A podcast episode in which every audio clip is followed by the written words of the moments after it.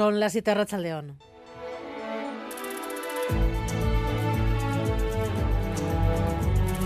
Gambara con Arancha García.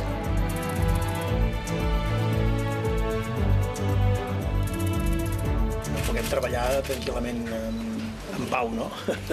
Carlas Puigdemont hace unas horas en los pasillos del Parlamento Europeo, el centro de las negociaciones con el PSOE, que de momento no tienen resultado. La investidura ya no es tan previsible como parecía ayer. De hecho, el Congreso ha habilitado todos los días, incluidos los festivos, hasta el fin de plazo el día 27. Isaro Baza. Se complican las negociaciones entre PSOE y Junts. Ahora mismo están atascadas. No se descarta que las negociaciones en Bruselas se alarguen durante todo el fin de semana. El escollo está en la redacción de algunos artículos. Por tanto, sin acuerdo con Junts, tampoco hay fecha para la investidura de Sánchez. El PSOE quiere mantener el plan, que la investidura se celebre la semana que viene, pero hoy por hoy todas las opciones son posibles. Si las negociaciones se alargan en Bruselas, se atrasa la investidura en Madrid. Y en este juego de escenificaciones el Partido Popular alimenta el discurso del golpe a la democracia y a falta de la ley de amnistía hoy cargan contra la condonación de parte de la deuda a Cataluña, aunque también se va a perdonar esa deuda a las comunidades que gobierna el PP que no nos vamos a quedar ni callados ni quietos. Nosotros vamos a movilizar desde el punto de vista institucional, pero también desde el punto de vista jurídico todos los instrumentos que tengamos a nuestro alcance, desde el minuto uno. Las bases de RC han avalado esta tarde los pactos que cerraron ayer con el PSOE y que determinarán el sí de la investidura y un pacto para toda la legislatura. La otra pregunta que se nos hace, se nos presenta estos días ¿Está la normalización del euskera en riesgo por la intervención de los tribunales? Una amplia mayoría política, sindical, social cree que sí.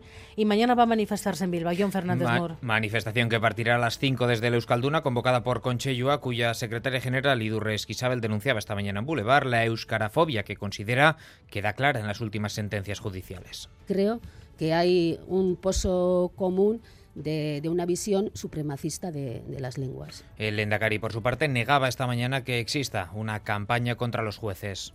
La diversidad de opiniones no significa que se haya organizado una campaña de presión social y pública contra tribunales y jueces. El Gobierno vasco no lo ha hecho ni lo va a hacer. No estará en la manifestación presente el gobierno vasco si el PNV con hasta seis miembros del Euskadi Burubatzar, también EH Bildu mandará una delegación encabezada por Mayalen Iriarte. Se espera también presencia de Sumar, Geroabay o EH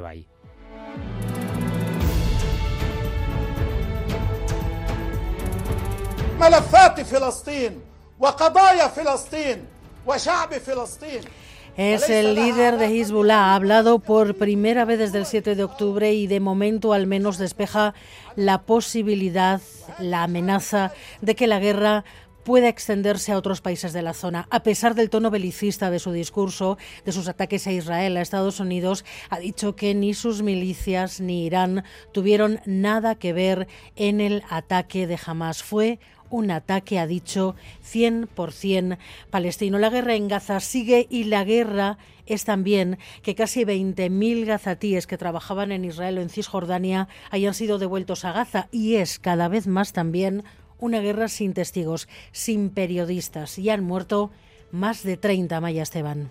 El periodista de la cadena palestina Televisión, Mohamed Abu Hatab, ha muerto esta noche junto a 11 miembros de su familia, entre los que se encuentran su mujer, su hijo y su hermano.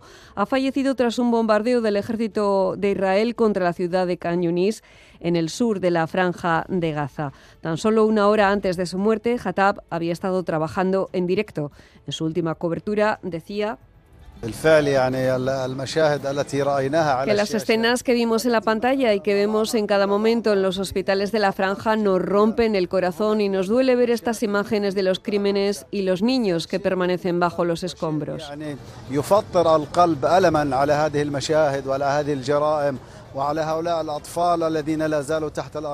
Con él ya son cuatro los periodistas de la cadena, más de 30 en total, que han muerto en los bombardeos iniciados el pasado 7 de octubre. Son datos de una agencia de noticias palestina. La cadena donde trabajaba ha relatado su muerte. Otro reportero de Palestina Televisión ha mostrado ya un agotamiento por lo terrible que es la situación mientras se informaban del asesinato de Hattab. El reportero ha llegado a quitarse el casco y el chaleco de prensa porque asegura no sirve para nada.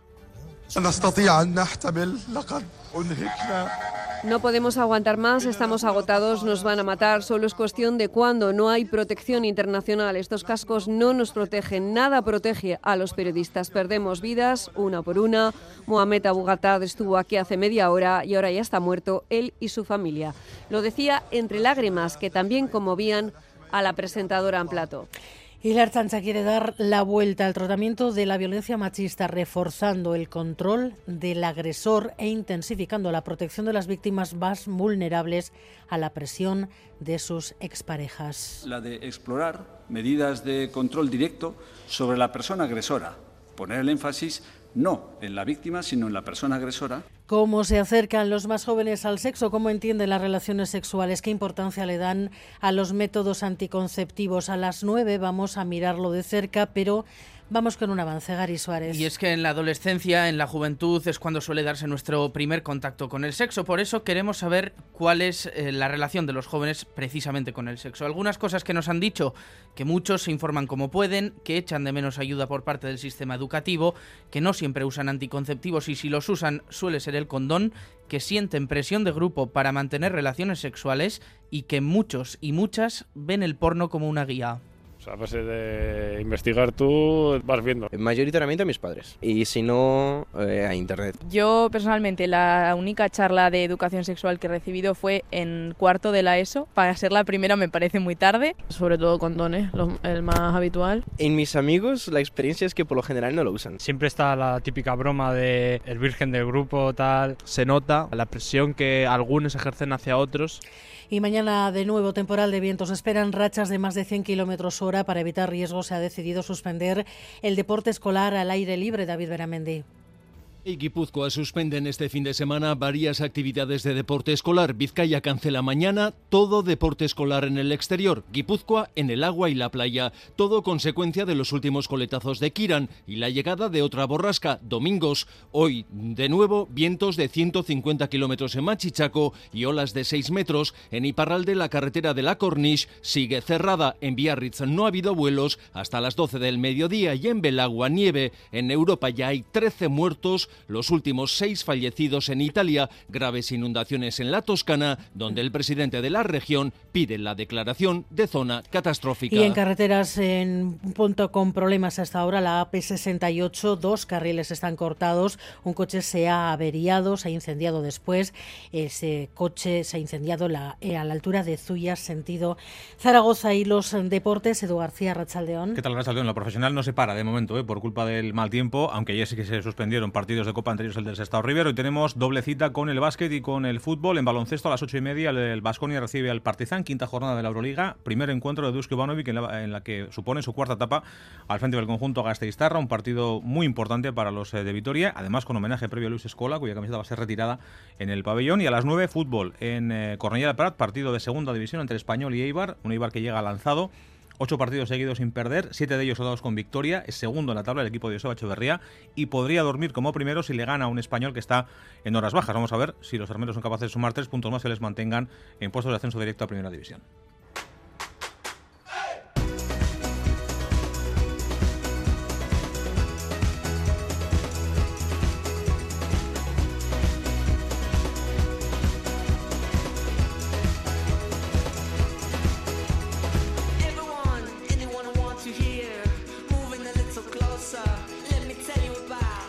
Y nuestra contra para el primer bebé nacido en Europa tras haber sido gestado por sus dos madres. Xavier Madariaga.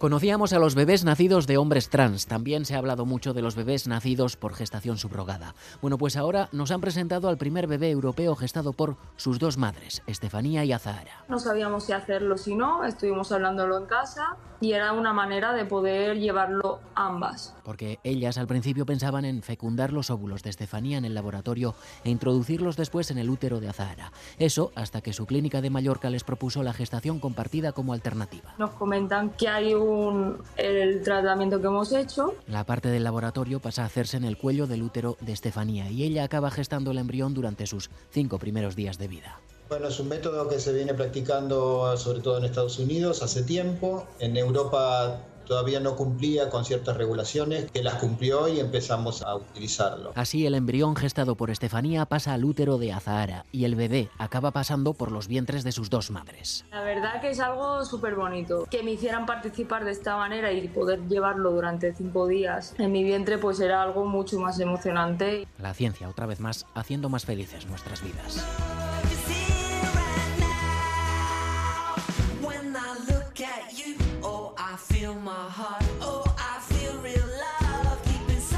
Miguel Ortiz y Alberto Subeldía están en la dirección técnica, Cristina Vázquez en la producción.